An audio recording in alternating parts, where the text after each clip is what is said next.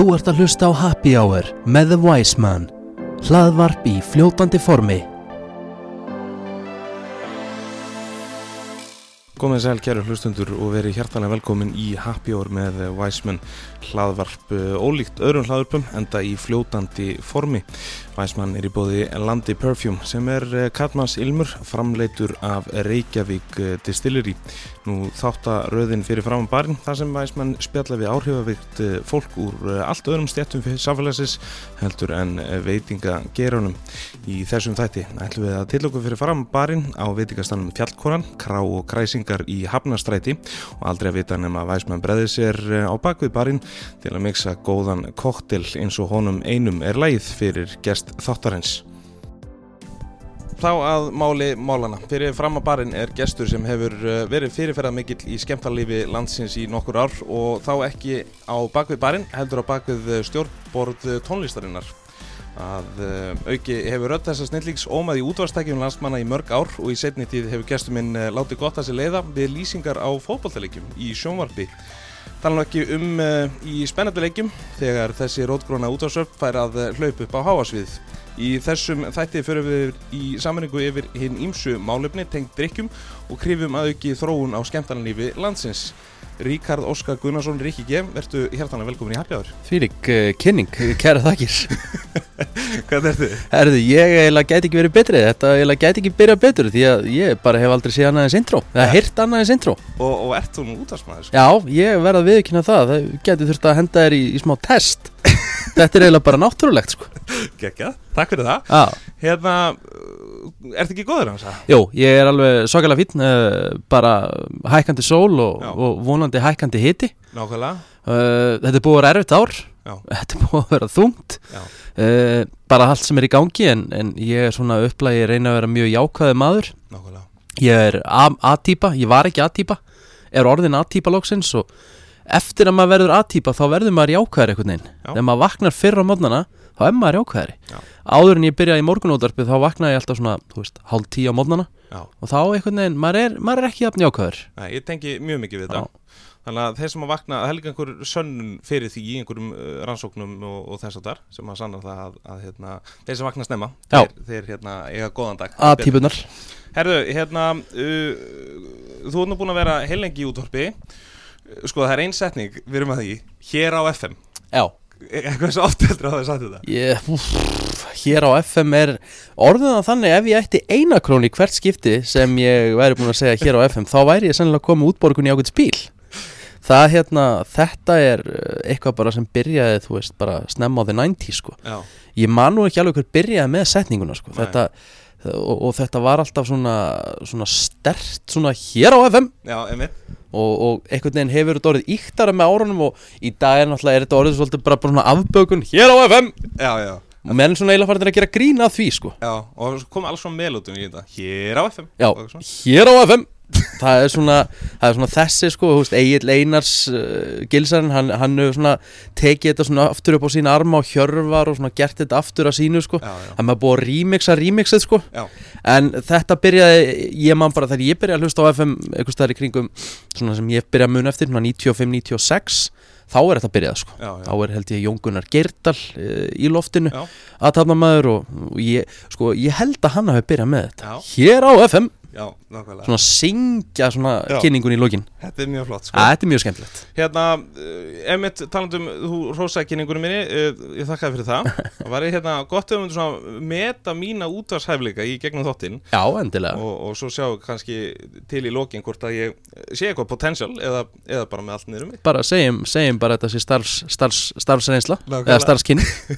Herðu, hérna, sko, uh, þetta verður bara gaman. Við ætlum náttúrulega að fjalla um uh, ímsa, íms málefni. Mhm. uh, Þessari þáttaröð sem nefnist uh, fyrir framabarinn þá uh, oftar en ekki endur upplifa viðmeldur þáttarins eigin svona drikjar minnstur eða preferensa. Já, sem er mjög áhugavert. Mhm. um, mjög gaman eða ekki gaman. Mhm, fyrir svolítið eftir viðmælandunum og hversu mikið uh, við komandi drekkur sko. Mhm.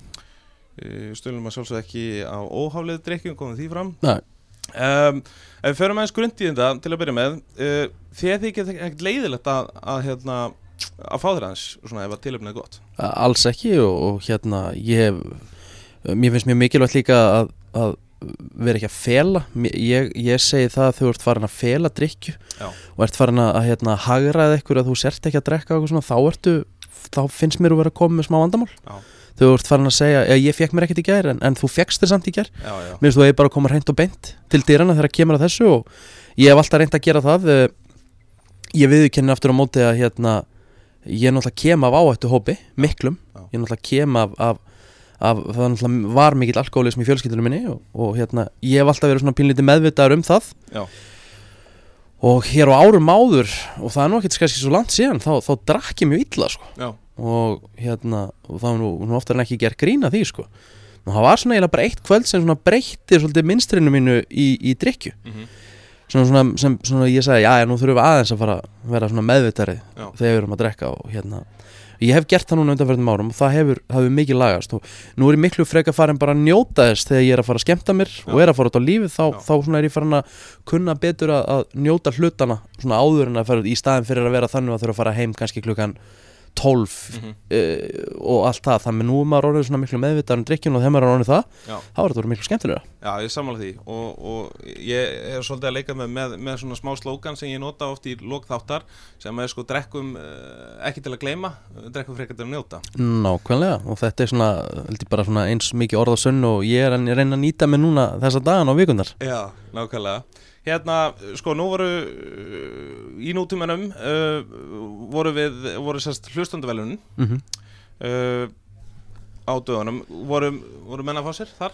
Nei, uh, ég sko reyna að temja mér það eins og ég get uh, svona kannski á árum áður Mm -hmm. þá svona í kringum viðburði tengdu FM, hvort sem það er eldúsparti eða, eða hlustendavellun eða, eða bara eitthvað svona sem, sem, sem er á ef ég er að koma núna fram á vegum stöðvarinnar Já. uh, FM eða fyrirtækisins þá fekk maður sér alltaf eitthvað að kalda og bjóra og eitthvað svona Mhm.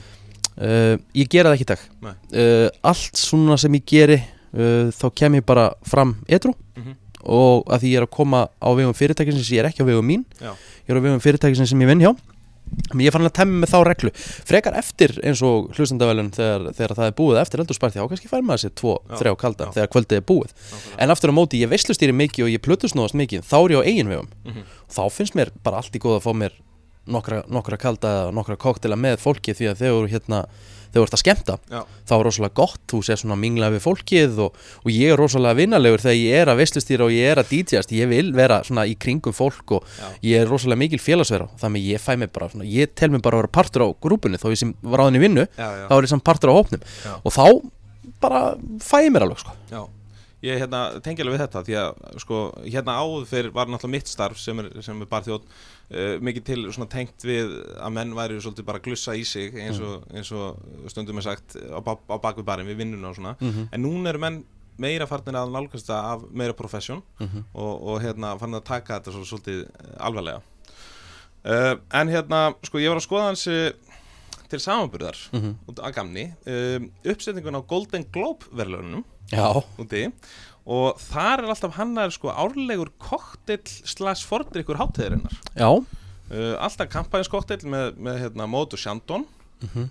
uh, sko í ár var það og þetta er alltaf unnið í samstarfi við einhvern svona uh, sniðugan sko eitthvað svona frægan já það var hérna núna var það sem sagt einhver uh, er, uh, fashion, einhver svona fashion designer Laquan Smith. Ok, ég nefndi að þekki það nú ekki. Nei, nei. Tíska er ekki, ekki, ekki ólega hjá mér, já, já. Nei, eh, við tengjum þar alveg, eigum það sammeilegt en uh, öllu heldur síðan 2000, eða þess að í fyrra þá var leikonan Camilla Belle sem er, er hérna, þið vorum að tala einmitt í morgun um, um myndir sem hafa Já, ekki já.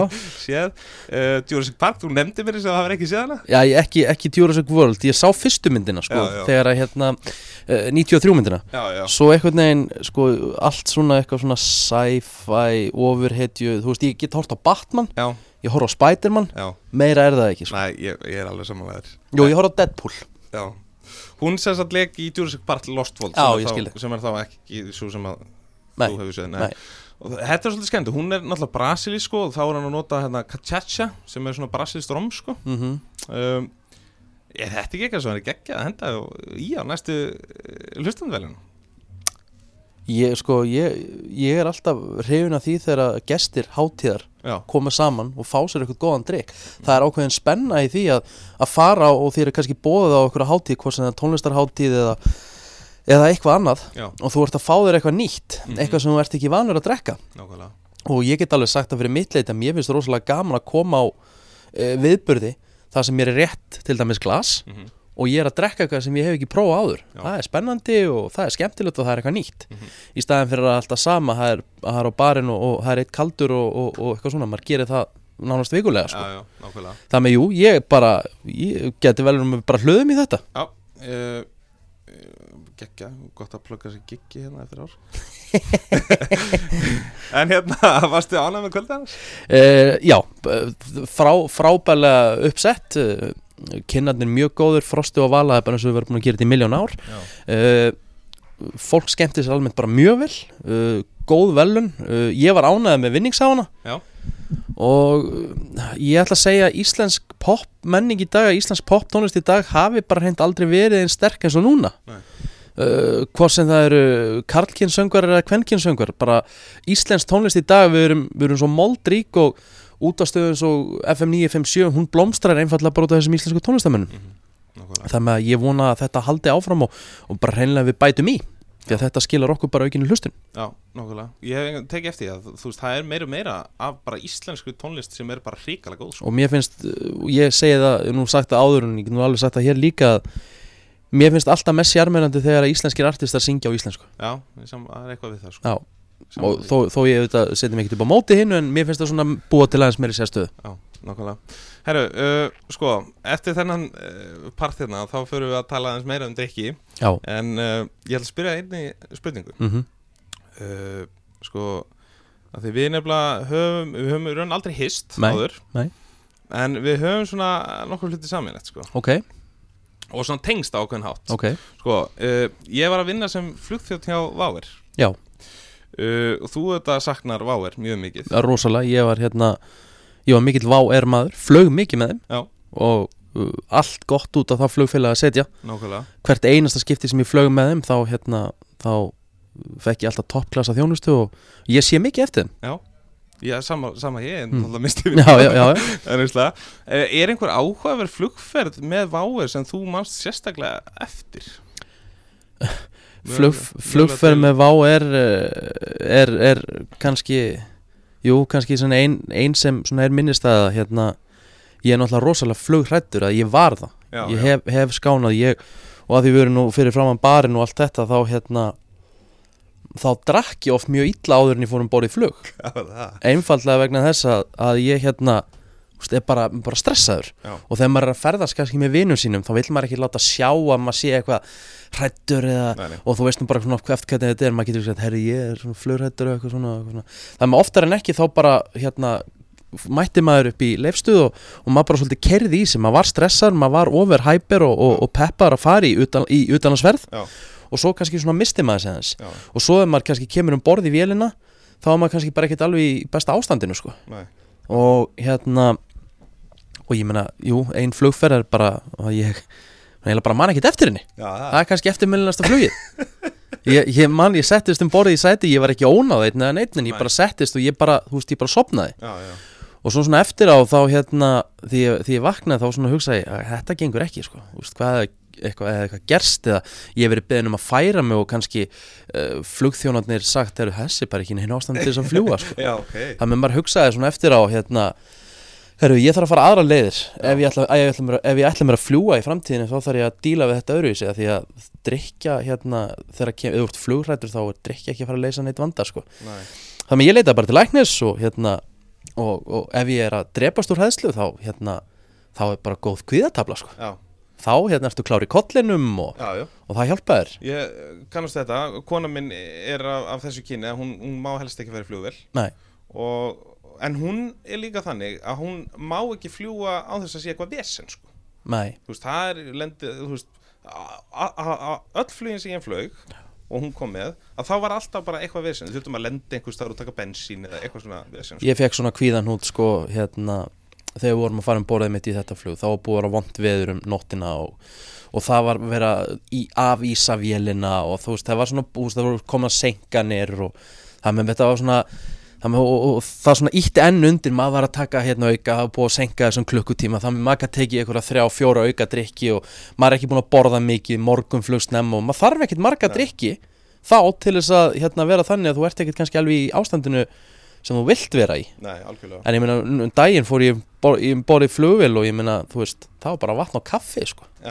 Og hérna, ég var ekkit minna flugrættur uh, þá heldur en eitthvað, þú veist nei, nei, að vera með eitthvað áfengi í blóðinu, sko. Nei það er náttúrulega mjög mikil, mikla framfæri sko. Mm, Það er vel gert. Uh, Það er samt eitt flug, Rikki, sem ég er svona svolítið að leita steftir mm. sem var flóið til Tenerife. Ert þú Magnús Linur? Ég man eftir því maður.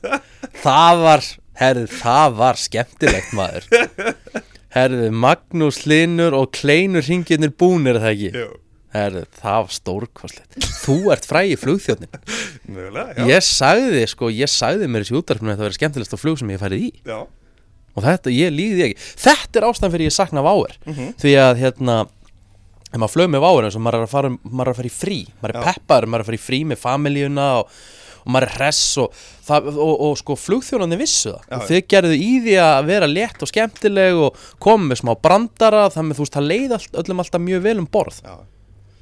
Það með, herðu, vá, þetta er, þetta er skemmtilegt. Ég vissi þetta ekki. Vel gert. Þetta er skemmtilegt. Við nefnilega erum með þess að nefndir hérna einhverju einni frétt saman af því að þú hefur verið að gera einhverju eftir Já, já, ég hef, ég hef reynd að taka Magnús Lind líka og, og ég tek hann stundum hér að veistustýra og, og það veist, það er svona hvernig, sko, það er, það er hvernig hann, sko, ég er kannski næ röddin ekkert en það er hvernig hann svona uh, setur áherslu á hluti. já. það er svona, hér í Kópavogi í kvöld er gaman að djamma. Það er svona, það er og þegar hann er að setja áherslu á þá hægir hann, sko, þá hægir hann á röddinni. Já, já. Bara, þú veist hér á Grímstaðsvendi er gaman að rækta. Já. Það er svona það, það er svona þetta. Ég, búin, ég tók nokkra svona Þetta var náttúrulega þetta sem Ég gerði þetta síðan og það kom út bara í fréttum út um allt. Já, og þetta sko þú, veist að því að oft er þannig að þau ert flugþjótt eða, eða hvernig sem er þá þá þarf þetta alltaf að brosa og, og, og flugþjónar geta oft dottið í það að vera svolítið vélrænir. Já, já. náttúrulega fá náttúrulega bara ákveðna þjálfun okkur svona en það er svona, svona, svona gaman að fara um borðið í váervélarnar. Ekki, ég veist, Æsland er indislegt flugfélag. Og ég meina maður er búin að fljúga með Æsland er miljónsinnum og fengið toppklassa þjónustu en ég meina kannski hafa bara öðruvísi áhersla kannski á váer Já. þú veist, það var svona meiri, meiri, meira grín og meira glens og, og, og hérna, og eins og ég segi, það er svona sakna maður oft váer en eins og ég segi, Guð sér lof fyrir Æslandir því að maður er búin að nota Æslandir óspart í gegnum tíðina. Já, já, og Æslandir er náttúrulega bara ómissandi flugfélag en ég er samt alltaf fyrir það að það er að vera samkeppni. Já, og ég vona svo sannarlega að, að flugfélagi sem er vist að koma að marka en play já. að því munu ganga vel því að við viljum auðvitað bara hafa sem flesta ferðamenn í landin okkar. Það bara hjálpar öllum. Algjörlega. Sammála því. Uh, Hérna Toppmaður, Magnús Linur rétt rúmlega. Gaman að hann deildi sér sjálfur sko. Já, og sko, og málið það, það er enginn sko sem er, ég meina ég tala um Magnús Linn upp á að fá ráð hjá honum sko, hvernig hann er að tala og segja hlutina þannig að hann er alveg, hann er alveg allforitt í, í að láta gera grína sér sko. Já, já, já, og hann er ekki að taka svo alvarlega og eins og segi, þetta er, þetta er eitt mest toppmaður sem hún finnur. Já, sammála því. Hérna, segð mér aðeins varandi Já, sorry með kleinurringina Ég fekk ekki það. Mögulega breytist það hérna í dag. Já, kannski. Hérna, uh, skal ég þeir segja Hvar byrjaði þetta æventýri, kleinurringi æventýri? Hvað er þetta eigin sem Eh, Já, byrjaði þessu? þetta er, þetta er gilsarinn. Já, og hann er nú búin að gefa mig mörg viðnöfni gegnum tíðina en kleinurringurinn er svo sannlega ekki það versta. Nei, ok. Þannig ég tek það halveg Já, ég, sko, þetta var þannig að ég var orðin askoti þykkur. Já, og þegar ég, þegar ég sko þegar ég svona byrja að fitna Já. þá fitna ég þá byrja ég að fitna á hliðunum og í andlitinu. Ég er líka Ég hata það. það með ég var komið með svona askoti góðan ring sko. Það með og við fórum í sturtu eitthvað tíman hann sagði, herri, þú ert bara þú ert eins og kleinur og sem, og við vorum allir í sturtu og hann sagði þetta svo hátt og fullt af fólki í kring og hann byrjuði bara alltaf að hlæja og það náttúrulega ítir náttúrulega í gerpinu náttúrulega að halda áfram þannig að hann kemur náttúrulega með þetta í útvarpu áður en að ég vissi að þá var ég orðin eitthvað talsmaður kleinurhingi á Íslandi og mér finnst ekki einu svona kleinurhingi góðir sko. ég, ég borði þá alltaf sko. en það, hann er ég bara eitthvað þú veist átt að fara að tala um að sko að þetta búa til eitthvað sérstakann kleinurhing á Dunkin Donuts nefndan eftir mér og ég átt að servera hérna einn dag í kringlunni og þá búin til kleinurhingja shake og shake and pizza sem hétt bara Rikki G það með að þú veist þetta bara vatt eitthvað upp á sig og allt í ennum var ég bara orðin eitthvað andlit kleinur hingja á Íslandi. Það með að þarna sérðu hvað hva, hérna, hvað gerpi getur gert manni. Já, er hann rekkjáttur hann er svakalega reykjáttur, það er gaman á honum sko en hérna það sem er svo gott við Egil sko, hann er svo spontant. Þetta, þetta kemur bara svona á þess að hann hugsa stundum sko, hann segir oft bara hluti á þess að vera búin að pæla í því, svo bara kemur bara eitthvað, út eitthvað gullkott og þetta festist bara einhvern veginn. Sérstaklega ef einhver aðrir fara að hlæja. Já, ef ykkur aðri fyrir að hlæja, það kveikir náttúrulega enn meir í honum. Og, og Egil er þannig og hann virkar þannig þú mátt ekki segja honum eða, úst, ég, ég sá honum einu sinni að ég og konan höfum, höfum, höfum leikið okkur aðeins hérna, ég, ég hend mér í, hérna, í gerfi fastegnarsala Ok, og var að sína nýbúðuna og við fórum í svona smá hlutverkaleik. Já, ég sagði honum þetta sem sagt í, í, í trúnaði. Já þetta var komið í útarpi á föstudegi. Jésús og ég hef ekkert fengið frið og ég meina kona mín er bara hún, er bara, hún er bara þannig, hún vill ekkert mikla aðtegli og úst, mér er alveg sama, ég er bara trúður út í bæ og ég get ekki verið meira sama. En þú veist, þannig er hún svona áriðin bara, herri við verum að heyra bara Já, eitthvað, þú veist, og hún er ekkert að nenna þessu. Og svo þegar maður segir við Egil, ertu til að hætta að nefna þetta Egil, hann bara, já, já, ekkert vesinn svo bara först en þá gefur hann í þannig að þú getur ekkert verið að segja við hann hættu að tala um þetta, þá heldur hann bara áfram. Já, ok. Frekar að segja, halda áfram að tala um þetta, þá hættir hann. Já, já, Þannig hann, hann virkar svona, hann er að koma í glastíminu eftir. Já, snill. Herðu, hérna, eh, áfram á, á sviði bakstus og orðalegja eh, Þú hefur verið auðvitað verið plötusnúður í mörg ár. Já, eða DJ uh, Hvenar og hvar byrjaði þinn eh, svona ferill sem plötusnúður? hann byrjaði á Gauk og Stöng, Aha. Sáluga uh, Það var það var mjög skemmtilegu tími, ég er 17 ára. Já, ok. Þá röldi ég bara inn á, á, á staðinn bara á virku kvöldin, ég kom með bílpróf þannig er ég aðeins farin að fykta við tónlist, farin að fykta við að skipta á milli laga og ég einhvern veginn svona ég, ég hef engan takt í mér að dansa en einhvern veginn hafði ég takt í mér hvað var að músik Ok. Og ég tala ekki um bara svona, þú veist, taktar og eitthvað svona þannig ég var svona aðeins farin að leika mér og ég fer bara borur brattur á möstu 323F Já, uh, nýr á Gauk og þetta er bara virku kvöldi og ég fæ að tala við og einhvern ótrúlega hátt þá er frangvöldastjórun á staðnum já, og hann held nú fyrst að ég verði svona pínlítið að grína sko. kemur einhver 17 ára stráku sem hefði ekki einu svona aldur til þess að vera inn á staðnum sko. já og já, já, hann bara herðu, já og byggðum um að koma aðeins með sér og það eru græjur hérna og kveikir á þeim og með eitthvað geisladiskar hérna og hann sagði, "S- settu eitthvað á fyrir mig og eitthvað svona og, og ég byrja bara að leika mér á græjurnar og, og hérna og þetta er á miðvikudegi og föst er ég komin í búrið. Já, ok. Og þarna var ég að hita upp fyrir hljómsveitir og svona, þú veist, þarna er, er maður að hita upp fyrir, þú veist, þarna er mikil hérna, hljómsveita menning Já, þarna er ég mikið að hita upp fyrir Sálarböll og Jet Black Joe og Írafár og Já. Ísvörtum fötum og eitthvað svona, þarna var gaugurinn á tveimur hæðum og stór og mikill og þarna spila ég áður en hljómsveita fór á svið, ég spila í hljum og svo klukkutíma eftir að slútu svona áður en að húsið lokaði Já. þetta var alveg í ár og svo svona fór aðeins að, að spyrjast út nafnið og þá lá leiðin á, á hverjusberðin Já. gamla, gamla góða hverjus og e, þar hérna var ég í smá tíma og síðan síðan liggur leiðin á Club Opus. Club Opus í Hafnastræti þar, þar er ég bara tvítur og þar tekið við sem skemmtarnastjóri já, ég man nefnilega eftir þér þar sko. Já, þar, þar voru indislega tímar, þar lærði ég rosalega mikið. Já. Þar fekk ég mína fyrstu Pioneer 1000 spilara. Ég veslaði þá.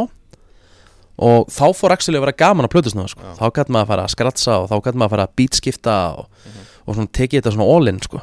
Og, og, og að spila opus Þú veist, þá voru rosalega fordómar gagvart þessum stað. Mér einhvern veginn skil ekki af hverju Því að, því að sko Það var, það var all, nánast aldrei Hann var undantekning ef það var eitthvað vesen. Já. Algjör undantekning Því að það var aldrei vesen hann inni.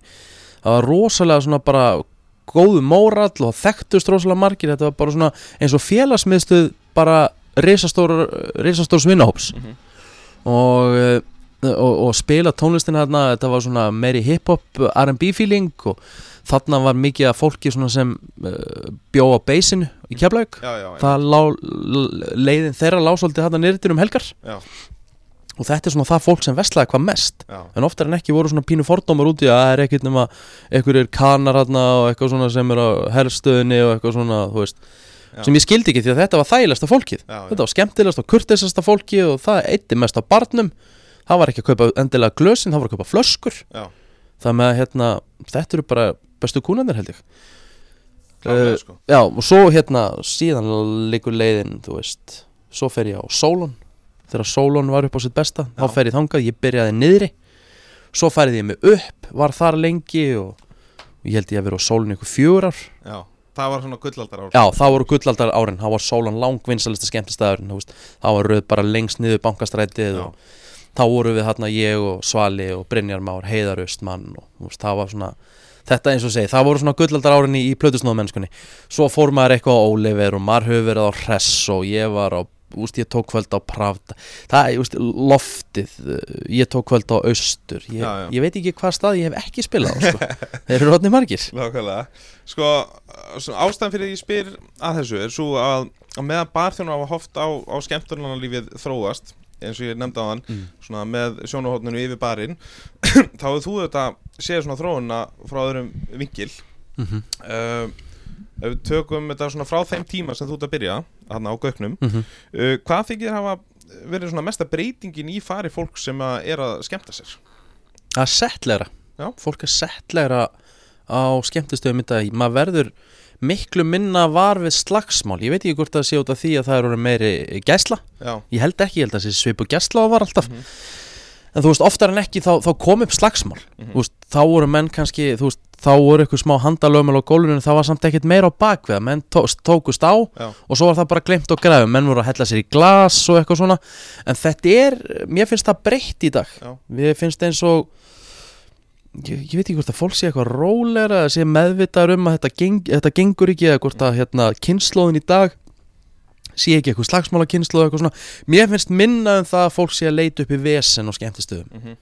Kannski, kannski er ég að meta þetta vitlust en Nei, ég er svona all over þá held ég að þetta sé alveg rétt þau sko. Það, er svona, það er svona fyrsta sem ég heggi sko. Og, og svo sem ég svo tek ég eftir því að það er ekki jafn mikil svona ölfun inn á stöðunum. Jú, fólk er fullt en það er ekki svona mígandi bara svona fullt bara svona, þú veist, valla skjá, skjárar. Og það getur líka verið út af því að það er þú veist, að, hérna, að dyraverður eru fallin að passa meira, herru, þú ert bara ekki ástandi til þess að koma hérna inn og já, já. eitthvað svoleiðis, þannig að mér finnst svona meira eins og, eins og fólk sé að skemmta sér betur Mhm, á stöðunum sjálf mhm. Sammála því. Mm. Sko, svona tvær kenningar sem að getu verið um, eitthvað svona ástæð fyrir þessu sem ég tel í flótu bræði og það getur verið til dæmis eins og þú segir að löggæslan er orðin svona Mhm. betri og eins líka að er, við erum orðin, orðin svolítið svona meira veraldavæn við erum búin að ferðast og sjá Algjörlega. að fólk haga sér ekki eins og halvitar í útlöndum Já, ég meina maður, þú veist, skemmtist þar, ég meina ég hef spilað á stað í Danmörku og ég hef ég hef skemmt, þú veist, ég hef djammað í Danmörku ég, veist, ég hef farið á skemmtistað þú veist, í Búlgari, ég hef farið á skemmtistað í Amsterdam og Mhm. þú bara sérði ekki slagsmál, Nei, nánast ekki sko. Eða bara vesen yfir höfu og ég meina, ef þú rekst utan í eitthvað á stöðum úti, það er bara, oh, sorry man, sorry, sorry já, veist, allir svo næs og eitthvað svona, þú rekst, veist, kannski hérna í gamla dag þú rekst utan í eitthvað, þá varstu bara svona þá fórstu pínlítið í skilina, er að fara að gerast eitthvað. Já, já. en mér finnst þetta ekki vera þannig í dag. Nei, Þannig ég ætla að hrósa pínlítið bara svona íslensku skemmtarnlífi, það er gaman að fara að skemmta sér í Íslandi dag. Uh, Nú veit ég náttúrulega ekki hversu góður þú ert í, í, í svona drikkjum yfir höfuð. Mm. Uh, Serðu einhvern, einhvern mismandi þróun í drikkjum sem fólk er að drekka? Mér finnst eins og fólk sem meira komið út í bara svona uh, þessar svo kallu engiferdrykki. Það er, ro- Mér finnst rosalega mikið eitthvað svona þetta Moskó mjúl og, og, og hérna, uh, hvað heitir þetta hérna, þú veist, gin og, uh, þessi, hérna, vesdósirnar og eitthvað svona. Mér finnst eins og fólk sem minna bara í svona plain bjór Mér finnst eins og svona þessir einföldu koktelar Mhm. Mér finnst þeir orðnir svona meira svona, meira svona, þú veist, ongoing Mhm, mhm. í þjóðfélaginu. Ég meina, ég hef alltaf verið mjög einfaldur þannig lagað séð í drikkjum Ég meina, ég, ég hef, bjór rosalega góður Mhm. Og það er kannski það sem hefur kannski svona oft haldið mér ekki í, góðu formi.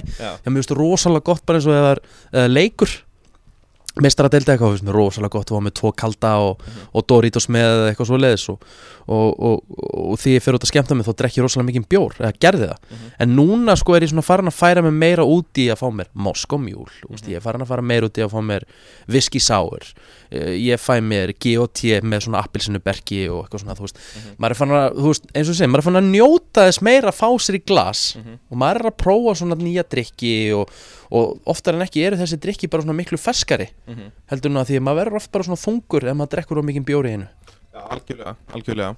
Uh, finnst þér hérna, sko, eitt svona sem ég langar að spyrja þig, eh, sko, að því nú er ég náttúrulega bara þjótt, mm. uh, finnst þér eins og fólk sé svolítið meira bara að, að kaupa einhver trend í dag í kóktelum? Það kemur eitthvað trend í kóktelum og það fylgja allir eftir því. Já, mér eins og til dæmis Moskomjúl Já. Mér finnst það til dæmis svakalegt trend Já, já. Það er bara, er að Moskó í kvöld og veist, maður er að sjá alls konar svona tinnbolla til sölu og eitthvað Já, svona, þetta er komið á heimili fólks og svona, já Mér finnst það svolítið trend. Samanlega því. og, Við getum haldið áfram Espresso Martini til já, eitthvað svona, þú veist. Og ég, ég sé bara svolítið mikið af svona dóti sem einhver engi fyrir úti. Ég er nú ekki mikið svona kannski fyrir engi fyrir sjálfur Nei, en mér finnst til dæmis Moskomjúl mjög góður drikkur af því mér finnst hann ferskur og þið líður vel eftir hann.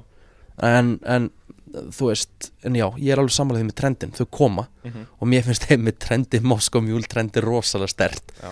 og maður er að sjá á skemmtistöðum það er rosalega margi með þessa tinnbolla og eitthvað Já, svona, þú veist og það er líka ákveðin stemming í þessu. Algjörlega sko.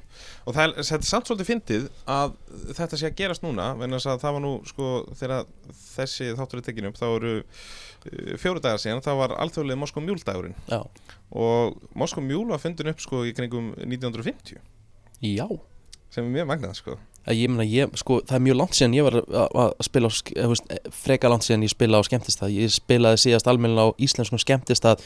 Bara þegar hverfisbærin opnaði aftur þá hérna, opnaði, opnaði hérna, félagið mín í staðinn Já. og ég var svona aðeins að hjálpa þeim að rífa tónlistin í gang og koma staðinum á stað. Mm -hmm.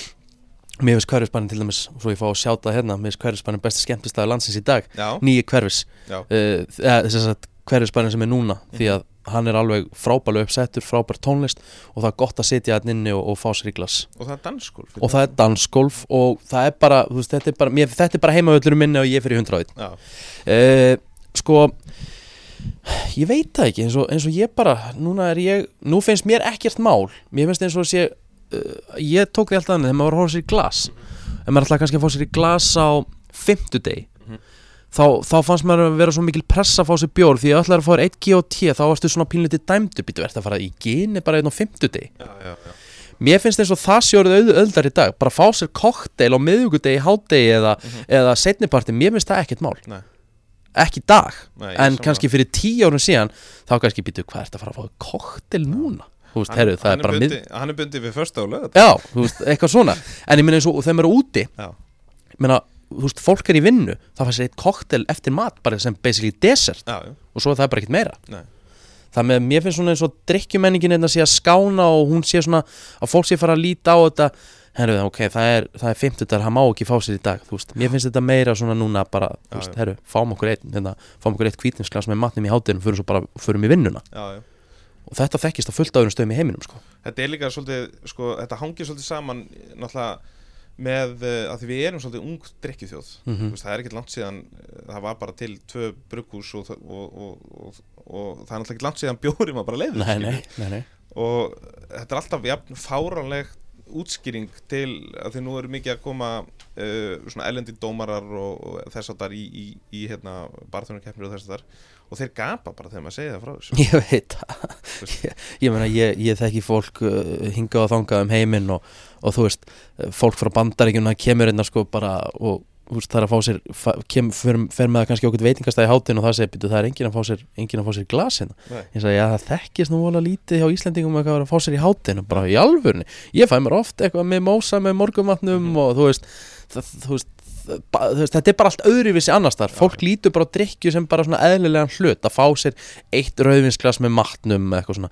En við Íslendingar er þannig, ef þú ætlar að fá þér í glas þá ertu bara að gera það all-in Já, sko. áttu bara að fara að djamma. Já, og helst ekki borða neitt af því að þú verið fullar já, nákvæmlega. Stygt, sko.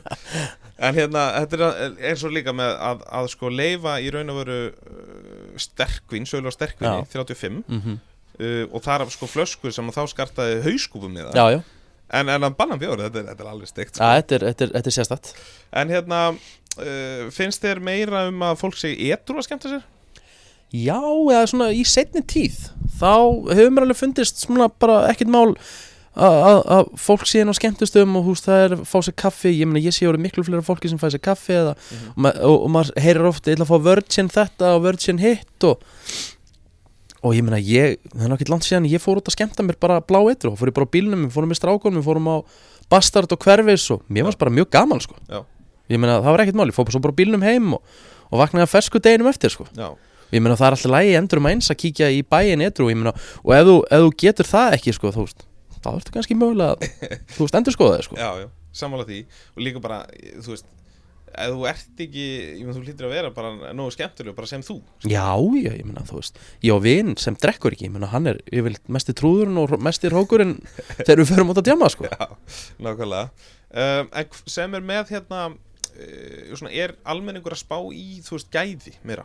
Eða erum við ennþá bara að kaupa okkur bjór? Mér finnst nú, mér finnst nú gæðin hafa svona, veist, fólk er svona að fara að pæla meiri hvað er ég að drekka.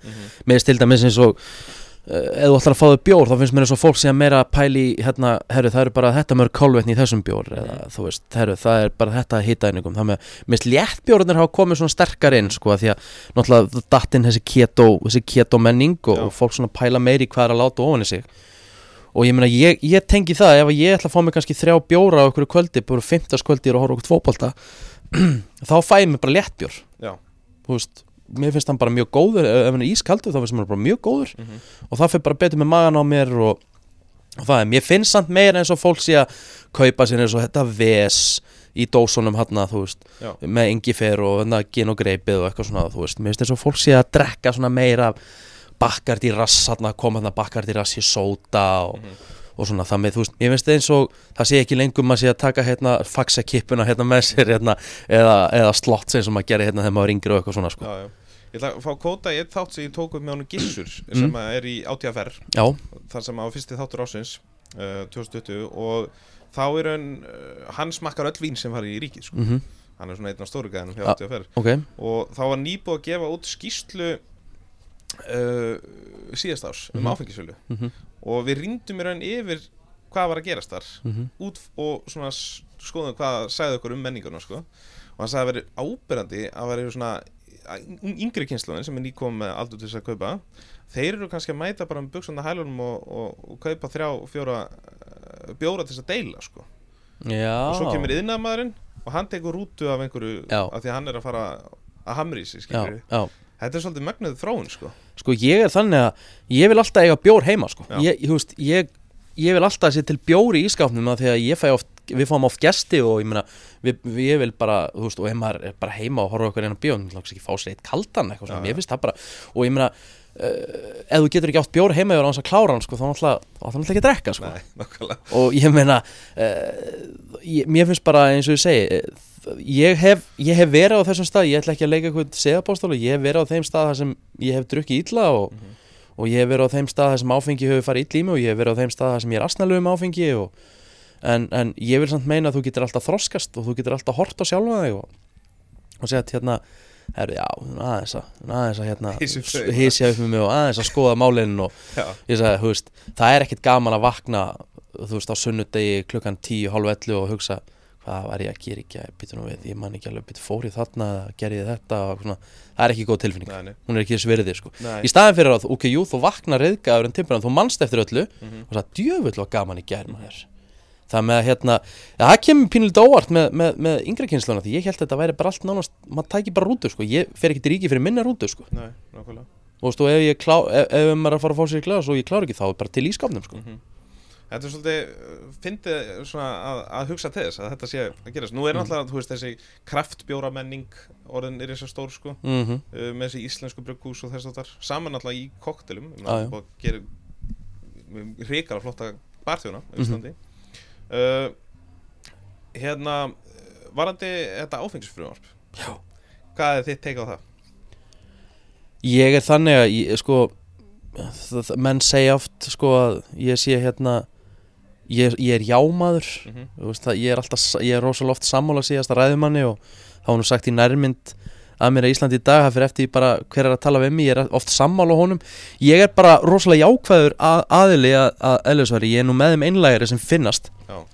ég hef sterkast skoðun á þessu. Mhm. mér finnst persónulega fáranlegt að ég get ekki farið út í maturubúð og ég ætla að bjóða hérna mömmu og, og manninum hennar í mat ég get ekki farið í kjötbóru keft, mér, keft flotta steik fyrir þau. Ég get segja gripið einum flotta rauðvinslösku í búðinu með til þess að hafa með steikinni mér finnst það pínu skrítið. Mhm. 2020 og síðan koma rökinu móti að en það er bara fullt af veiku fólki fyrir sem bara og eitthvað svona sem og þeir hafa ekkert að gera og ég meina það er bara alltaf stutt í næsta ríki og eitthvað svona. Já ok, ef það er stutt í næsta ríki, akkur má þetta þá ekki verið í maturubúðum bara líka? Já. ef þú getur fengið þetta í ríkinu. Með að og ég er ekkit sammála, ég er ekkit endilega sammála því að ég fara að stæla stert í verslunum sko Mhm. en mér finnst alveg, mér finnst eiginlega lámark að ég geti keft mér keft rauðvinslösku með flottri nautasteik sem ég ætla að hafa á föstaskvöldi mér skrítið þurfa að fara í, í kjötbóri í króninni og ég þurfa síðan að fara allanir á Dalveg Já. til þess að sækja rauðvin Mhm. það með að, jó, það er bara mín persónulega skoðun ég hef, ég hef rétt á henni, mér, mér Og svo, sko, þú nefnir það sterka. Við eigum ótrúlega mikið af flottum framleiðendum af sterku vídeum í Íslandi. Og það er náttúrulega kannski svona, svo ég komið minni pælingu að líka, minni skoðun Að, sko, menn hafa verið að bjóða upp á svona distillir í túra og eitthvað svo leiðis er náttúrulega í raun svolítið fáranlegt að þeir mega ekki selja gestum sínum uh, vöruna sína. Þú eru Mm. að benda þeim á að fara í ríkið eða, eða fríhöfnin eða eitthvað. En svo má kannski mögulega ostaframlegandin sem er með með verslunum sína við hliðin á hann má selja það sem hann vil sko. Já, já, ég segi, það, það er margt skrítið hérna og, og hérna, mér finnst oft eins og þú veist, þú þarft ekki að fara nema bara, þú þarft ekki að fljúa nema næstu í bara 1.50 1 klukkutum og 50 mínútur Mhm. og þú farir bara í flugil í 1 klukkutum og 50 mínútur og þú komið til Glasgow Já. þar getur þú farið bara í næstu veslun og keftir það sem þú langar að kaupa þér sko. þú vilt kaupa þér hérna kippu af, af, af Viking Léttum eða eh, Viking, nei hérna Karlsberg eða Heineken Já. eða kaupa þér flöska vodka Mhm. eða kaupa þér eh, rauðvín Mhm. þá fyrir bara í næstu veslun og gera það Já. og ég meina ég veit ekki til þess að sé eitthvað herri drikkjum en ekki Glasgow heldur en á Íslandi sko Nei, nei, samanlega því og mér finnst þetta, þetta er, þetta er rosa hitamál að mjög mikið og ég meina ég passa náttúrulega þegar ég er í nú er ég bara hér á mínum vegum og ég tala á mínum vegum ég náttúrulega er ekki að koma með þessa skoðanir beint í útvarpið þar sem ég er að vinna en ég meina ég hef bara þessa skoðun og mér finnst, mér finnst pínu fáranlegt mm -hmm. árið 2020 á Íslandi að það sé ekki hægt að kaupa, kaupa sér kipa bjóri í, í krónunni eða, eða rauðvinslösku í krónunni með, með steikinni Mhm. það er hérna, hvort að það verður mann, hvort að það verður ekkert mann breytt, ég, ég veit það ekki ég vonandi, Já. Svo eins líka þetta með áfengis auðlýsingar Ég meina nú Já, þú að lýsa já. Það er endalust af já já, ég meina þú veist, og, maður er að sjá, ég meina þú veist, það eru búningar með, með hérna áfengislókuðum á og, Já, og ég meina það hefur auðlösa veðmála síður í útlöndum og þú veist Jújú, jú, ég, þú veist, einhver að segja að við séum bara mikið eftir á það kemur ákveðnum hlutum minna en, en ég ætla ekki að fara að ræða eitthvað um veðmála síður eða eitthvað svoleiðis en, en, en bara áfengi í verslunum hérna allavega léttvín, þá, þá, þá finnst mér að við þurfum að, að hendur skoða það. Samanlega því. Og sko á þess að, að vera eitthvað að, að hérna, lítilegka þá sem að drekka ekki áfengi eða Alls ekki, ég meina, ég meina þeir sem drekka ekki áfengi, ég meina þetta er bara í rekkum. Meina það, það, veist, og það er ekkert mál, ég meina verslanir, það er bara 20 ára aldurstakmark á þessu. Mhm, ég meina þú veist, það er, það er átján aldurstakmark að kaupa tóbak og þú getur keft það í nokkurnum verslunum. Mhm, og ég meina þú veist bara spurður ekki Samanlega og ég meina og ef þú drekkur ekki þá ferður bara ekkert að rekkonum þar. Nei. Og, og, og alltaf sagt já, nú, pabbi minn alkoholist og býr við hliðin á krónunni og, Já, og eitthvað svona þú veist. Já ok, pabbiðin er alkoholist en ég meina gæti hann ekki bara farið bara þá, hann keiri þá bara tímindu lengur og hann er, heldur hann, heldur hann ef hann kemur áfengi hérna, heldur hann byrja bara að drekka eða, þú veist, úst, jú, það er einhver rök sem halda einhverju vatni en sum rök finnst mér ekki halda henni vatni en, en eins og ég segi, þetta er mín persónulega skoðun og ég, hérna, ég bakka ekkert með hana. Sko ég nefnilega er þeirra skoðanur að, að það sé ekki endilega áfengi sjálft sem er vandamál heldur nálgunum og notkunum Já, algjörlega. Rétt eins og sigur per se er ekki ástæðan fyrir offitu Vandamál líkur í nálgunum og notkun. Algjörlega og það, þú veist það er hérna amma sem er nú 90, 90 ára gömul hún, hún segir að það skiptir engum máli hvað borðar eða drekkur, það er allt gott í hófi. Nákvæmlega Þetta, það hefur búið að negla þetta í okkur frá því vorum litli krakkar sko. Ég meina, amma, amma bakar pönnukökur, bestu pönnukökur á Íslandi og hún segir, það er ekkert máli elsku kallið minn hún færið tvær pönnukökur. Það er bara gott, þú fitnar ekkert að því. En þú borðar 10-12, Já. þá er þetta orðið óhóf. Já, nákvæmlega. Það með eins og ég segi, þetta er, er ákveðt spæling. Nákvæmlega. Uh, talandi um nálgun sko uh, án þess að við förum eitthvað sérstaklega í uh, hvað þú varst gammal mm hvað, hérna, hvað er svona fyrsta uh, áfengi sem þú marst á þú smakkaðir? Fyrst áfengið voru fjórir Heineken bjór já ok, Þetta voru Heineken, stórir Heineken í dós. Marst verið þess að magnið Já, þetta voru fjórir. Þetta var í tíundabæk. Og þetta var eh, eitthvað sem heitir Rósaballið í Árbæðaskóla Og við hittumst heima hjá mér. Og ég var búin að fá leifi já, Bara, þú veist, eins og segja Mamma var eitthvað þannig bara, þú veist, hún vildi ekki að Ég myndi fela þetta, hún vissalega einhverjir Samnefndu mínir og, og Vinnahópurinn eitthvað væri byrjað að smakka það. Já, Og hún bara, ég vil alls ekki að þú felir það. Ég ætla bara þá frekar að kaupa fyrir þig. Ég vil ekki að þú farir eitthvað út í eitthvað landa Eða eitthvað svoleiðis. Mm Þannig við rættum þetta mjög opinskátt. Og uh, ég drakk þessa fjóra bjóra og ég var alveg blind fullur þessu. Ég, ég, sko, ég held sko að fjóri bjórar bara þetta er ekki upp í nös á ketti eitthvað, þú veist, hugsaði bara, ég veist, þetta teku ég já, drakk fyrst á, ég drakk hann mjög hratt sko. Og mér fannst bara, já, þetta er bara, þetta er bara gott. Já, ekki það þessum maður. Og svo bara hérna kom annar og svo bara, þú veist, þetta var kannski fjóri, ég drakk kannski fjóra bjóra á svona klukkutíma. Já. og við vorum svo að fara á balli svo bara, manni ekki eftir miklu sko. Og eftir það þá drakk ég ekki þangað til ég var átjónara já, meinar. Já. ok, það er bara málið. Já það er mjög áhugaverð Já. þegar ég er að byrja að DJ-a þá Já. drekk ég ekki sko samt náttúrulega bara alltaf einhvern veginn í bæ og Já. þannig ég, sko, það líður alveg líður alveg 8 mánuður til ég byrja að DJ-a og það er allir að byrja að drekka ok, þannig að þú veist mér fannst bara þegar ég vaknaði eftir svona fyrsta fyllir í þarna bara svona ok, þetta á bara ekki um mig Nei.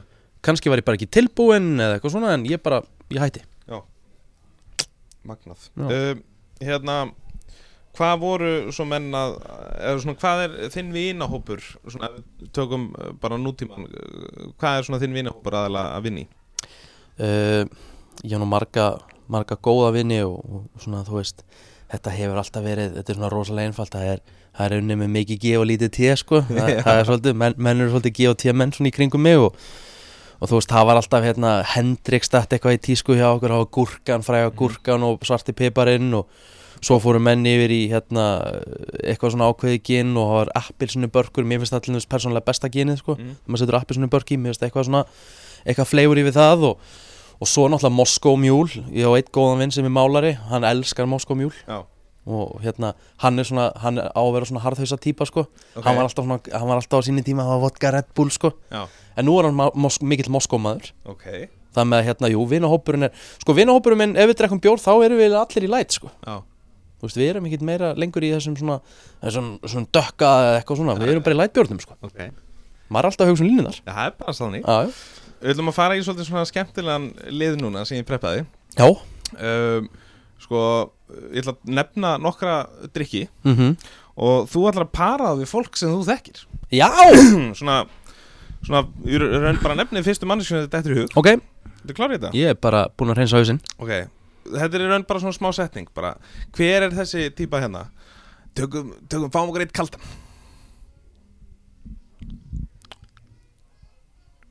Kitty Páls, Ok, vinnu minn, ok. Uh, En hvað með bara rauðvín? gilsarinn. Ok. En hvítvín? kona mín, Uh, kampavín. Andri Sigþórs. Uh, Vodka í Red Bull Ívar Þór Hilmarsson málari. Uh, Mojito? Mojito, damn good question. Ég? Já, ok. Uh, Moskva mjúl Þröstur í sporthúsinu. Ok. Uh, Whisky sour. Ötti, uh, Espresso martini. Sem kemur upp í hausinn. En við þetta giska steindi? Ok uh, Gin og tonic G&T Hjörvar, Ég veit þetta líka Ég, er enda að vissi þetta svona. Uh, Strawberry daiquiri. Gilsarinn. Aha, Alltaf. Ok. Ég meina það var hann sem kemur á bræðu með strawberry daiquiri Það er uppáhalds koktellin minn mm, Æri, uh, Sko, ég er nefnilega vissi það. Og í raun og veru var ég búin að greina það Áður en þú, ég sá það nokkuð staðar. Mm. um, Sko að því svona í einhver, einhver þættabrennslunni þá var umræðan um koktela og Mhm. ég hafi, mér að ég hafi sendt á Júlíanu í Messenger mm.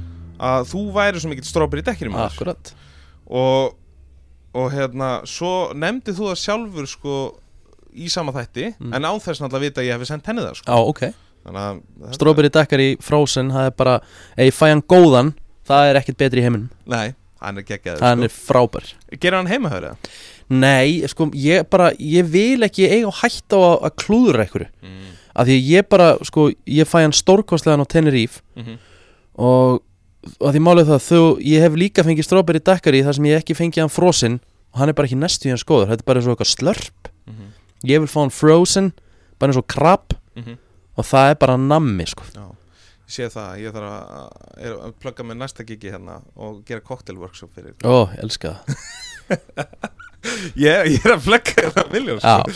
En hérna, sko, Júlíana var náttúrulega fyrsti viðamaldin Mhm. í þessum lið Hún er mikið svona tequila mannskja Já, það get ég ekki, ég bara Ég hef svo rosalega slæmar hérna, minningar af tequila En það er þessu gamla með hérna, rauða hattinum þetta, ég, Sorry, ég, ég kalda bara white trash tequila sko. Já, já, Og hérna Ég einhvern veginn bara á mjög vondar minningar frá því. Maður hérna kannski var að keira í sig eitthvað svona Já, tökum minna te tequila skot Og veist, eitthvað, áttu, og fórum í eitthvað tippakeppni strákarnir Setja eitthvað salt á handabaki á okkur Og eitthvað sítruna og, og, veist, og bara Svo var maður rópandi þessu þremur, fjórum dögum á eftir. Ég bara, óh Ég einhvern veginn bara get ekki tequila í dag sko. Nei.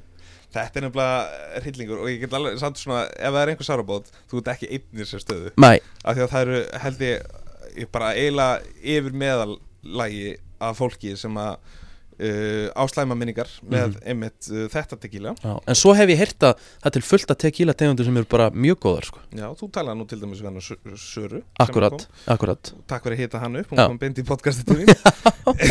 Hérna, Það er náttúrulega rosa gott tequila til þess, patrón uh, En þetta með sko tequila í fortíðin einhvern veginn Mhm. oftar en ekki sumabústaðaferð eða eh, Úff. eitthvað svona dæmis Er ekki að tryggja það? fyrir þér maður Já, ég tekið, húst, við tókum einhvern tímann svona ó, Við vorum í einhverjum svona drikkjuleik og þú veist, þetta var einhver spurningakefni Við vorum í Trivial Pursuit og þú veist, og þetta var þannig að ef svarar og vittlust þá þurftir að taka tequila skot og enda með, það er einn ælandi fram að handriðin í bústanum Þetta var eitthvað algjört bíó, sko.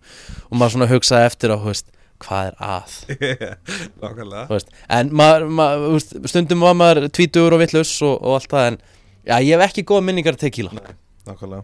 Svo, svo fyndið að, að núna er einhvern veginn menn búin að taka hattin af uh, og hérna og eru, þú veist, tequila er á rosa upplið sko. Já, já. Og, og, notaði í marga góða koktela Já. Uh, Sko Bandryggjumenn eru auðvitað þekktir tequila aðdándur mm -hmm. uh, Við viljum fara í næst í svona svolítið skemmtilegan uh, lið. Uh, og meðal hans skrifja Bandryggin, þú varst nú þar. Já, já, uh, Hvernig hérna uh, svona var einslan þar, fannst þér? Bandaríkin er uh, frábært land Mm. Bandaríkin er bara svona, veist, það er ekki bara land það er bara svona sér heimsálfa sko. Já, já það er bara og finna við að í hverju einustu borg finnst þér þess að sett komin í nýtt land Já. því að þú veist, það er ekkert eins frá Seattle og fer síðan yfir á hérna vestuströndina Já. þá ertu bara nei, hérna austuströndina þá ertu bara komin í allt annað dæmi sko. Þú veist bara, herru, vá, ég er ennþá í bandaríkjunum mér finnst ég samt komin bara í annað land. Já, já. Og bandaríkjumæðurinn er mjög málglæður og, hann, vill, og hann, hann er alltaf mjög forvitin svona, þú veist, þegar, ma þegar maður að fara á veitingastæðin og skoða matinn og svona, þú veist, þá er allir mjög áhuga samur bara, já, frá Íslandi? Og ok, hvað er þetta og þetta? Og það með hann er mjög, og þú veist, hann þarf ekki einu svona verið í glasi til þess að vera málglæður, sko. Oftar en ekki, sko, ef að við Íslendingar alltaf detta á trúna þá ertu að vera að búa með þrjá fjóra, sko. Þá, þá verðist hún að vera samfélagslega samþykkt að- að nálgast manneskinu og byrja að tala um eitthvað En bandarækjum mann er, hey, where are you from? ah, ok, what you do there? og veist, þeir eru, þeir eru alveg svona mjög skemmtilegir og bara matarmenningin, drikkjumenningin og það er einmitt svona, það er bara, þú veist, maður á veitingastæði maður er að skoða eitthvað í hátinu, það er bara fólk að koma úr vinnunni, fá sér hvítvínsglas með hérna, einhverju sesarsalati eða, og þú veist, einhverju að taka koktel úti í Orlando eitthvað, þú veist, bara svala fostanum. Ekkert endilega áfbúrúta þetta er áfengi, þetta er bara svala fostanum, góðu koktel Já. Uh, þetta, er, þetta er hérna rétt sem hún segir. Ég er náttúrulega upplifði þetta mjög mikið þegar ég var að fljúa þangað og hérna uh, tókst eitthvað eftir samt mér finnst það er svona svolítið ábærandi hvað það er alveg svolítið mikið af svona ekkert allt og vel gefnum fólkið þarna. Já, ég sko ég, ég vil nú kannski ekki segja það eh, sko kannski bara ég veit það ekki, nei úst, það er talað um að bandarækjumenn séu svona, úst, einhverju hérna sem veit ekki hver nánast, einhver prósentala veit ekki hver fossetin er en ég var aldrei var við það. Ég, eina sem ég finnst, mér finnst bandarækjumenn mjög opnir mér finnst þeir- mér finnst þeir mörguleiti bara mjög líkir mér. Ég er mjög opin manneskja. Ég, ég er mjög félagsgjarn Mhm. og ég er mikil félagsvera, ég er mjög einlægur og ég sé svolítið bandarækjaman í mér bara. Já, ég er nú ekki lang, langskóla gengin Mhm. Og ég meina það eru nokkur hlutir sem ég ætti að vita en kannski veit ekki en ég myndi nú samt ekki segja þessi nei, alls ekki. Algjörlega. Og ég meina bandarækjumenn ég meina bandarækjumenn hafa kannski skrýtnar skoðanir margir hverjir, þú veist, þessi bissu löggjöf og, og eitthvað svona, þú veist og, og það fer eftir fylgjum og annað og stjórnmála skoðanir og eitthvað svona, þú veist. Ég, ég, ég hérna ég allavega tók aldrei eftir því. Mér fannst bara allir sem ég allavega kom að málu við bara mjög bara svona bara nánast hver einasti bandarækjumæður sem ég talaði við bara fannst mér alveg bara tip-top. Já, ég hef nefnilega lendið svolítið í því að fólk vissi hreinlega bara ekki að því ég held að við á Íslandi gerum okkur ekki alveg greið fyrir við heldum að allir viti hvað við erum sko. Já, já, bara trekk í trekk að þá lendið í fólki sem að held að Europe væri bara land sko. Já, já, og þú myndir bara you only speak European já, já, já, já, já. Úst, jú, jú, það er, eins og ég segi, það, það er eitthvað prósental í bandarækjum sem veit ekki hver fórseti bandarækjan er, sko. já, Það með, þú veist, jú, jú, þú veist, maður er að sjá það alveg, en ég meina, þú veist, þetta er náttúrulega margir sem búa þarna og kannski einhverju sem lifa bara í þannig að þeir hafi ekki möguleika mentun eða, eða einhverju þannig, en, en, en svona upp til hópa þá fannst með bandarækjinn bara, þú veist, bara mjög, svona, eins og sagt er, í, bara svona high culture land. já, þetta er upplifun og franga Alveg bara, þú veist, ég get ekki beðið eftir að fara þarna aftur, sko. New York og Chicago, bara, vá, já, samanlega því shit þessi skutt, sko. hérna næsti liður nú er þú, Riki, að lenda í instastolkernum ok. það er liður sem að Djöfullin, ég átt að hlusta á okkur þátt á henni já. Ég veit það. hérna uh, þennan lið má nálgast inn á heimasíðinu Væsmenn.is og á Instagram síðu Væsmenn ef ekki bara vinda okkur í þetta Jú, endilega. Riki, velkomin í Instastolkerinn Já, kæra það ekki. það er ekkert eðlert við hennan uh, lið Nei, nei, ég sé það strax. uh, hendum okkur bara strax í þetta hérna er ég komið myndaðir Já, já. uh, tekin 16. november 2017 Já. uh, inn á gramminu Rikki G 10 Mhm, mhm. hvaðan kemur þetta 10? Uh, ég var alltaf númer 10 í öllum íþróttum. Ah. Fótbolta og körfubolta og bara 10 er svona mitt númer þegar það kemur á íþróttum. Sko. Já. ok hvað erum við að uh, vinna með hérna? Uh, hérna erum við að vinna með gin Já. og tonic með appelsinu berki ofan í. Já. Þarna er ég svona uppgötað þann drikk sko. Mm Og ég drekk hann alveg mjög reglulega í dag og mér finnst það mjög góður sko. Já.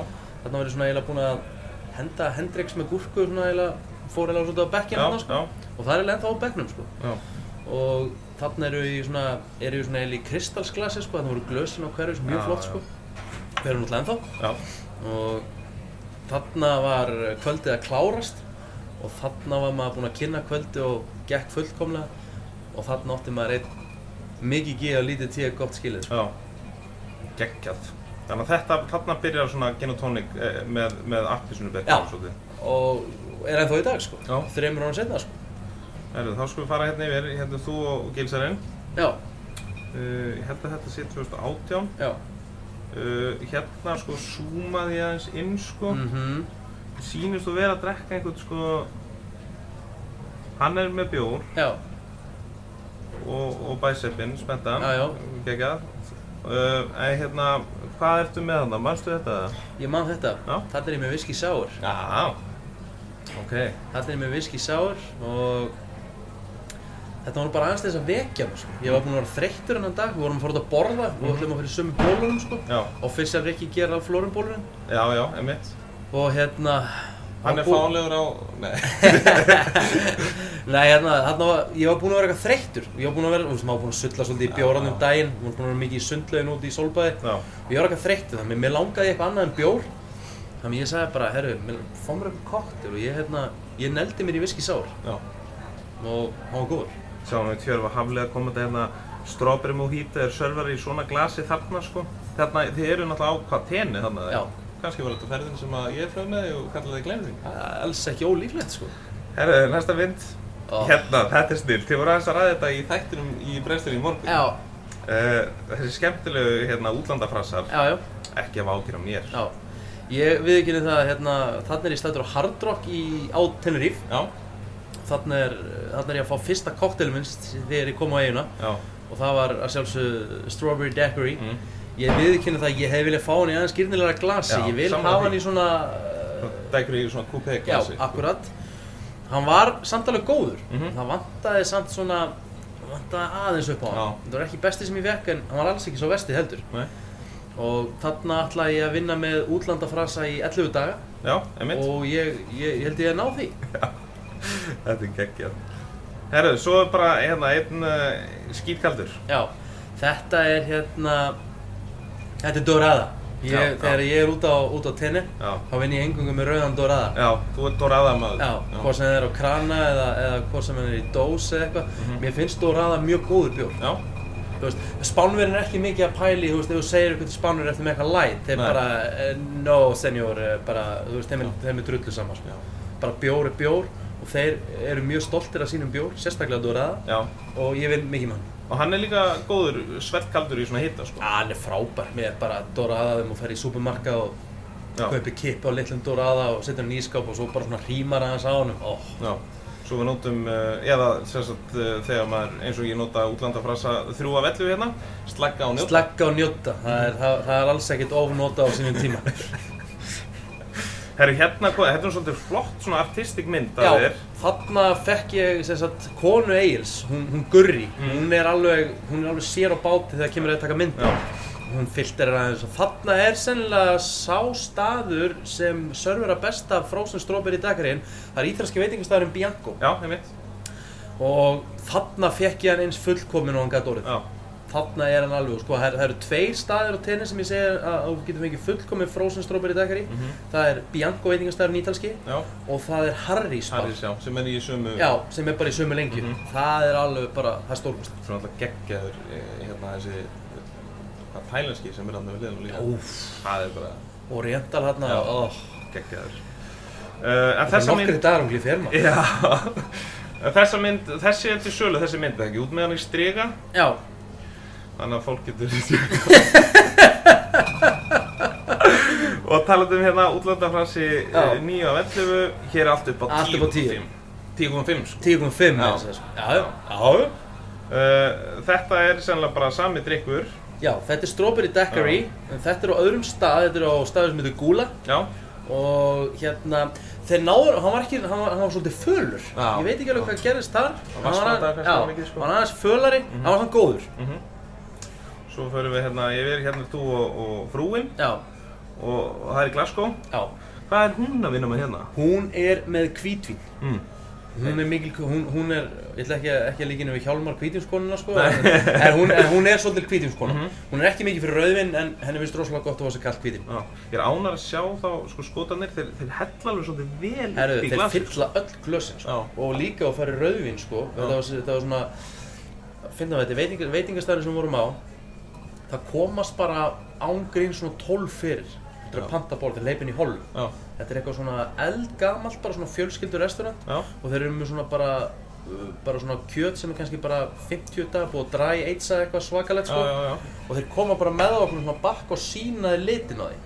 Já, ok. að það er alveg geðvögt og hérna og þeir og það er mikil bjórmenningarna hjá þeim líka. Þú veist þú erum svona gamlar tunnur og svona þannig ég vann eiginlega engangu með bjóran og ég vil smakka alls konar. Já, þetta var eitthvað svona bruggaði bjór þeim. Mhm, geggjað. Herra, síðan erum við, hérna þú og Ötti, já. Hann ertu með, sko, þetta er hvítvín. já hérna er ég bara með gamla góða Chardonnay sko. Já, ertu sjálf þannig einmaður, eða? nei sko ég verði að viðkjöna það. Ef ég drekk hérna mikið að hvítinu á rauðinni Mm, og fæ ég svolítið brjóssuða já, þannig ég sko eitt glas fínt. Mhm, þú veist ef, ef, ef maður er með frábæra steik þá getur maður ekki sleppt rauðu sko. Mhm, en ég get ekki verið að þú veist, eins og Egil sko. Egil getur bara drukkið flösku sko. Já, ok. Bara hún finnst bara rauðvin mjög gott. Mm, ég er ekki þar. Ok. En, en... Blöð er mikill rauðvinsmaður Já, líka. Og, og hann hérna hann velur vínin vel og blöð er mjög góður að peppi vín Já, ok. Þetta er náttúrulega geggjumynd, þessi er líka fáanlega á striga. já það er nú, þessi, þetta er, þetta er, þarna er tökum lokið og Rikki fyrir til Ameríku, Já, þrjár vikur að hans stoppa já, og það segja allir sko, ég vorkin er ekki neitt, þú varst í bandaríkjunum að gera en þetta var hellingsvinna. Já, þetta voru 12-13 tíma tökudagur upp á hvern einasta dag, endalust að ferðalögum. já, Men maður var svona pínlítið búinn og þarna bara, þarna klukkan bara tíu morgunin, ég heldi mig bara í rauðvinsla sko. Já. Mér var alveg saman sko. áttur að líka skilja sko. Það er nú bara nákvæmlega þannig. Hérna hefði frasin átt að við 14. frasin bara átt að skilja Og hérna ertu vel vöðvastæltur, klárum með þessa mynd hérna Já, hér er ég á uh, frábærum strandbar sem heitir Papagayo Já, sem er svona, eh, sko, ef þú ætlar að fara til Tenerife ég tala um þessu ykkur, hérna, farastjóra hérna hérna, eh, ef þú vilt sjá frábært sunset ef þú vilt sjá alvöru sólsetur Mhm. þá ferðu á Papagayo ef þú getur setið utan dyrra Mhm. í bara svona sófa já, bara með drikk og hort bara út á haf Mhm. og þú getur séð á Lago Mera eiginu hana og þegar sólun er að setjast niður fyrir það fjall það er málverk, það er stríð. Já, já, það er stríði og þarna, þarna fer maður mjög reglulega. Mjög flottu staður. Já, og frábæri drikkir og þá er þetta bara búið. Herðu, uh, þetta var bara mjög það var skemmtilegt, það var skemmtilegt. Það ekki? góða minningar. Hérna, sko, ég heyrði í, í góðum manni í morgun sem heitir uh, Átni Theodor Long já, og er brugmástri Borgbrugus ok. Uh, Hann sem sagt let mig hafa þennan hérna. Surt. En það sem er skemmtilegt við þennan bjór er að uh, hann er sem sagt unnin í samstarfi við Gunnars Kleinuríki hans sko. Þannig að hérna, ef ekki að smakka þennan eða? Nú er ég ekki með upptakar sko, nú er ég að Úf Ég veit ekki alveg með nafnið á hennum samt hvað, er, er, má, má þetta 2020 eða? Það má allt sko. Þannig Ok, það ég, gerir ráð fyrir að þessi dökkur. Já, þetta er sem sagt svona stát sko. Ok, Imperial stát þennan hef ég ekki smakað, ég veit ekki það En við ætlum í raun sko, þetta er náttúrulega kannski alveg í þveröfa átt við hérna lightbjórin sem að þú heldur mikið upp á. Já, En þetta er svona desertbjór svolítið sko. Svona fyrsta, fyrsta bræðið er svona eins og svona nett malt eða svona Já, eitthvað já. svona. Og það tekur ekki rút á hann sko. Nei, þetta er svona Þetta er svona bara Þetta er bara svona, svona hálf, hálf glas. Já, Þetta er bara svona til þess að smakka og njóta. Mhm. Mjög gott bræð á hann já uh, Þetta er í raun, má segja hafi verið líka bruggað til höfustil Það er svoleiðis Já, það ekki Jú, það ekki, kleinringin Kleinringin. Herðum, Hérna hérna, ekki gilsana fyrir þetta hérna, núna ætla ég að búa til tribute-drykkin þinn. Ég er búinn að hanna á drykkan þar. Nú Mhm. Sem mun bara heitir ekki geða Nei, hann reyndar heitir, uh, ég er svolítið að missa mig í þessari donut-pælingu, hann heitir Donut Daiquiri. Herri, ég laka mikið til að smakka hann Er það ekki? Jú Herru, við okkur í það. Þú ert að hlusta á Happy Hour með The Wise Man. Hlaðvarp í fljótandi formi. Alright. Herru, já, þú ert bara með þess að búið með hann. Já Ég bara, ég viðkynna það að þú settir hennar kleinurringarna á þá held ég þetta að vera eitthvað svona trolldrykkur en ég var að beða þig bara áður en við fórum hérna aftur í upptöku að ég vil þú sendi mér þessu uppskrift Já. Þetta er eitthvað sem ég ætla bara kannski að gera mér á fallegu sömakvöld eftir góðan gólring Já. Því að þessi rennur askoti ljúlega niður Nákvæmlega. Það er minnsta málið og, og líka bara fyrir einhverja aðra sem að hafa áhuga á að smakka að ef ekki bara henda uppskriftin inn á væsmenn.is Já, ég myndi elska það þegar sérstaklega ég ljósi þess að þetta er nú bara með betri kóttelin sem ég smaka Hann svipar til strawberry daiquiri mm -hmm. Hann er ákæðlega léttur Mm -hmm. Þetta er svona sumar, sumar í skál Já, ég myndi segja hindbyr og súkulega, það klikkar Oh. ekki sko. Herðu, hérna uh, þetta fennu að síga svona á setni hlutan hérna hjá okkur uh, hvað er svona á döfinni hjá þér? Á döfunni hjá mér er eh, ég náttúrulega er, er mikið bókaður í hverju mánuði sem, sem veistastjóru og plötusnúður og, og ég, hérna, ég er mikið í brúðkaupum og ég er á ásatíðum og ég er með pubquiz og ég hef rosalega gaman að koma fram. Já, ég er náttúrulega, ég er aldrei hata aðtegli Nei, þú ert líka svolítið skemmtilega maður sko. Já, kæra þakki fyrir það, þú líka. Takk það. Hérna, ég hérna, ég er, eins og ég segi, ég er rosalega mikið bara svona, ég er rosalega félagsverð og mér finnst rosalega gaman að koma bara fram, skemmta fólki, ég tek mig alls ekki alvarlega, ég, ég, ég lít svona á mig sem pínu trúð, sko. Já, og hérna, það er svona það sem er á döfunni það er náttúrulega, það sem er líka á döfunni það er náttúrulega bara mikið um að vera í sportinu. Það er náttúrulega Ísland-Rúminni 27. mars á stöðtu sport. Já. ég mæli með því að allir náu sér í áskrift fyrir þávislu Já, nákvæmlega. Og, og hérna svo þetta EM í sömar Já. vonandi bara verður Ísland og EM. Ef ekki þá er EM samt reysa stort Já, ég hef mikið að lýsa þar það er út um alla Evrópu og, og svo náttúrulega bara eins og ég segið, svo er bara sömar eins og að leggur sig, Já. ég er mikill sömar maður Já, mikill golvari þannig ég býð bara eftir að geta tekið frá kilunar nákvæmlega. Sko, það verður náttúrulega ennþá betra ef að Ísland fyrir á EM sko.